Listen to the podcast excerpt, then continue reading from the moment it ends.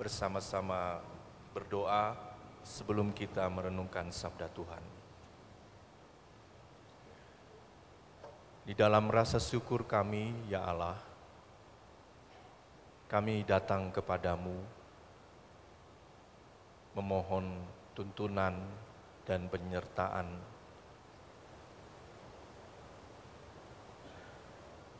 kami hendak memaknai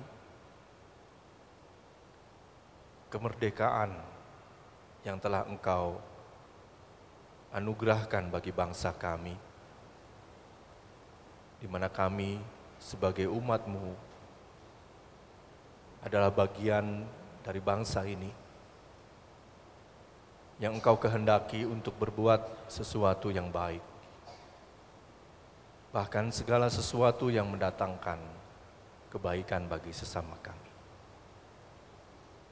Kiranya Engkau berkenan menyertai kami, terlebih dahulu menjumpai kami di dalam kami merenungkan sabdamu, yang nantinya akan kami lakukan, wujud nyatakan di dalam kehidupan kami setiap hari.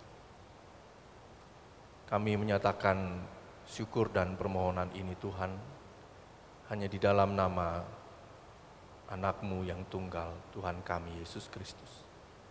Amin. Yesaya 61 ayat 1 sampai 9.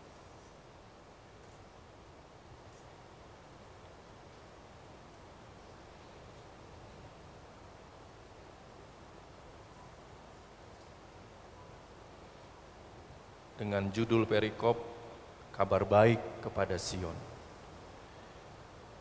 Roh Tuhan Allah ada padaku, karena Tuhan telah mengurapi aku. Ia telah mengutus aku untuk menyampaikan kabar baik kepada orang-orang sengsara dan merawat orang-orang yang remuk hati, untuk memberitakan pembebasan kepada orang-orang tawanan dan kelepasan dari penjara kepada orang-orang yang terkurung. Untuk memberitakan tahun rahmat Tuhan dan hari pembalasan Allah kita. Untuk menghibur semua orang yang berkabung. Untuk mengaruniakan kepada orang-orang yang berkabung di Sion. Mengaruniakan kepada mereka perhiasan kepala sebagai ganti abu minyak untuk pesta sebagai ganti kain kabung. Nyanyian puji-pujian sebagai ganti semangat yang pudar. Supaya orang menyebut mereka pohon tarbantin kebenaran yang ditanam Tuhan untuk memperlihatkan keagungannya. Mereka akan membangun kembali reruntuhan yang sudah berabad-abad dan mendirikan tempat-tempat yang sejak dahulu menjadi sunyi sepi. Mereka akan membarui kota-kota yang runtuh, tempat-tempat yang telah turun-temurun menjadi sunyi sepi. Orang-orang luar akan melayani kamu sebagai gembala kambing dombamu, dan orang-orang asing akan bekerja bagimu sebagai petani dan tukang kebun anggurmu. Akan tetapi, kamu akan disebut imam Tuhan dan dinamai pelayan Allah kita. Kamu akan menikmati kekayaan bangsa-bangsa dan memegahkan diri dengan segala harta mereka. Sebagai ganti aibmu yang dua kali lipat banyaknya, dan sebagai ganti noda, kamu akan bersorak-sorai karena bagian yang diperoleh kamu akan mendapat warisan dua kali lipat di negerimu, dan sukacita abadi akan menjadi milikmu. Sebab aku, Tuhan, mencintai hukum, membenci perampasan dan kecurangan. Aku akan memberi upahmu dengan benar, dan akan mengikat perjanjian abadi dengan kamu. Keturunanmu akan terkenal di antara bangsa-bangsa, dan anak cucumu di tengah-tengah suku-suku bangsa, sehingga semua orang yang melihat mereka akan mengakui bahwa mereka adalah keturunan yang diberkati Tuhan. Demikianlah sabda Tuhan yang menyapa kita pada pagi hari ini. Berbahagialah setiap orang yang mendengarkan sabda Tuhan serta memelihara dalam hidupnya. Haleluya.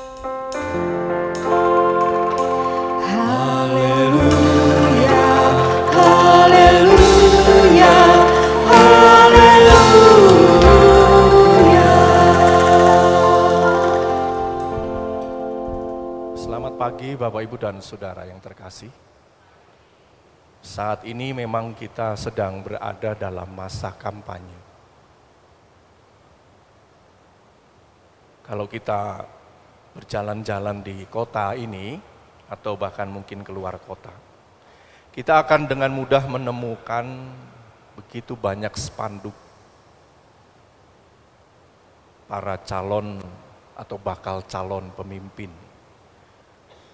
pemimpin daerah atau calon legislatif yang berada di pinggir-pinggir jalan. Ada yang dipakukan di pohon, ada yang ditalikan ke tiang. Ya. Ada banyak sekali Bapak Ibu dan Saudara. Dan biasanya di tempat-tempat strategis, kita dengan mudah bisa melihat ke kanan, ke kiri, kita bisa dengan mudah menemukan wajah-wajah yang mungkin kita kenal. Biasanya kalau yang kita kenal itu adalah para pesohor, artis-artis. Ada juga yang tiba-tiba baru muncul gitu. Ini siapa ya? Selama ini tidak muncul, tiba-tiba muncul gitu. Kita lalu menjadi bertanya-tanya. Inilah mungkin yang disebut dengan masa-masa atau tahun politik. Bukan hanya wajah Bapak Ibu dan Saudara, tetapi ada banyak juga slogan atau mungkin ajakan, bahkan janji-janji dan visi misi yang kemudian ditampilkan. Tentunya itu semua mengajak kita untuk mengarah kepada hal yang lebih baik. Yang jelas yang kita lihat bakal atau calon ini ingin berbuat sesuatu bagi daerah kita untuk menjadi lebih baik. Ada banyak hal yang dijanjikan. Bisa ekonomi yang bangkit, infrastruktur yang lebih baik, kemajuan di berbagai bidang. Kita akan terus Bapak Ibu dan Saudara melihat gambaran seperti itu sampai tahun depan dan kita akan diminta untuk yakin bahwa ketika para calon ini nantinya menjadi pemimpin kita kita diminta untuk yakin bahwa mereka akan memenuhi janji-janji kampanyenya. Tentunya akan sangat menyenangkan ya Bapak Ibu dan Saudara kalau ada janji yang kemudian di, dipenuhi. Ya. Ada janji yang kemudian diwujud nyatakan. Tetapi seperti lagu yang mengatakan janji tinggallah janji. Bulan madu hanya mimpi. Seringkali janji tidak seindah kenyataannya. Tuhan juga menjanjikan Bapak Ibu dan Saudara kehidupan yang lebih baik, yang lebih indah. Seperti yang ditulis di dalam Yesaya 61 ini. Janji itu dinyatakan oleh Yesaya. Dan akan terjadi ketika kehidupan orang Yahudi, orang Israel kembali ke tanah atau ke negeri mereka. Tapi rupanya sesudah kembali ke tanah perjanjian pun Bapak Ibu dan Saudara umat Yehuda masih tetap berada dalam kekuasaan bangsa lain. Janji tinggallah janji. Rupanya masih dalam situasi yang tidak mudah.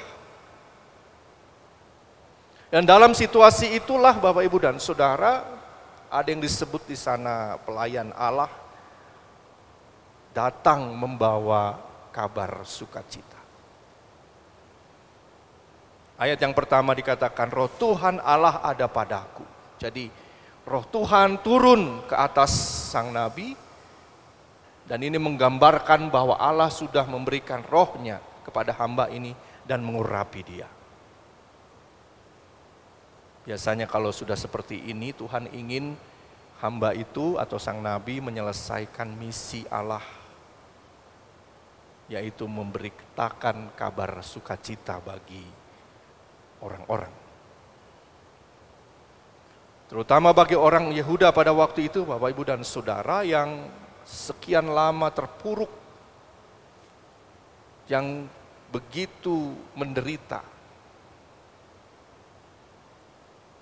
Dan inti dari sampainya kabar sukacita ini, inti dari kedatangan hamba atau pelayan Allah ini adalah mengubah kehidupan umatnya untuk menjadi lebih baik. Di ayat yang pertama sampai dengan ayat yang ketiga Bapak Ibu kita dengan mudah menemukannya. Ada kabar baik kepada kaum miskin, ada merawat orang-orang yang remuk hati, ada memberitakan pembebasan, ada memberitakan tahun rahmat Tuhan, kemudian ada menghibur semua orang berkabung dengan mengaruniakan perhiasan kepala sebagai ganti abu.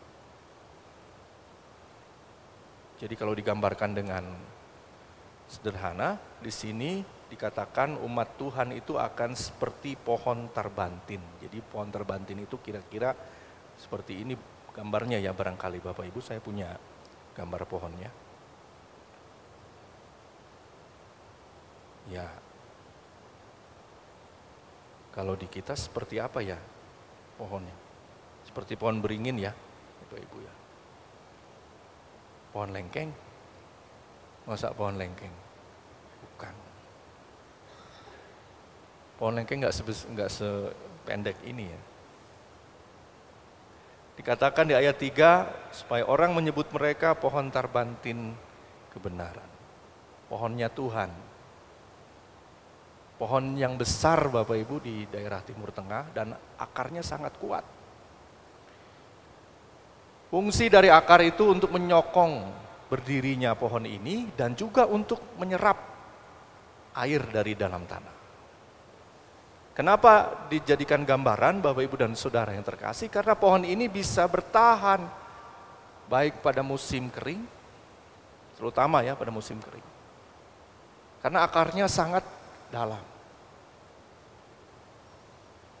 Dan dikatakan di sana pohon terbantin kebenaran yang ditanam Tuhan untuk memperlihatkan keagungannya.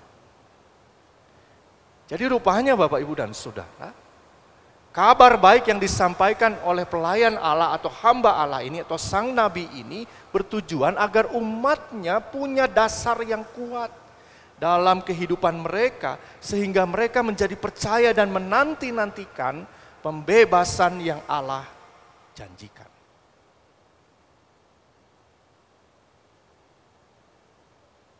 Jadi harus memiliki dasar yang kuat.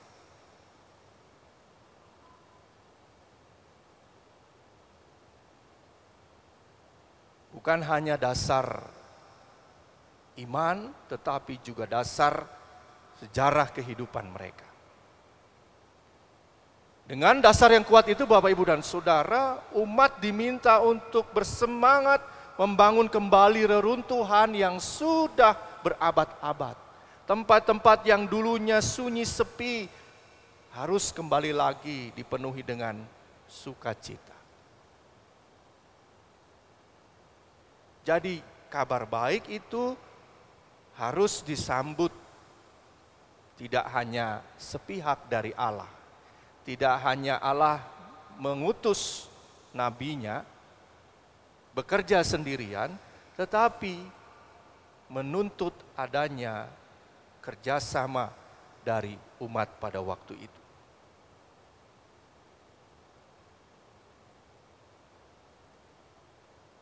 Di ayat 8 dan seterusnya kita bisa menemukan hal-hal yang diinginkan oleh Tuhan sekaligus berkat yang akan mengalir dalam kehidupan umat pada waktu itu.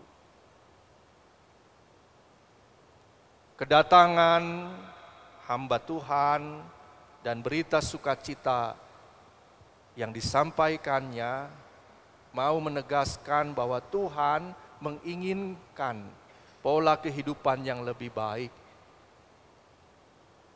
Apa saja kalau kita baca ayat yang ke-8 di sana Tuhan mencintai hukum. Kemudian Tuhan membenci perampasan dan kecurangan.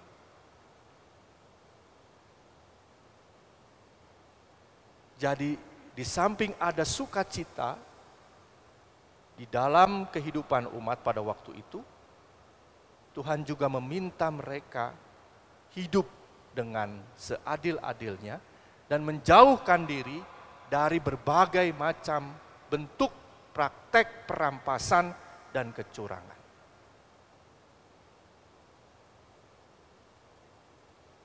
Apakah tuntutan atau permintaan Tuhan ini terlalu berat? Apakah terlalu berlebihan? Tentu saja tidak.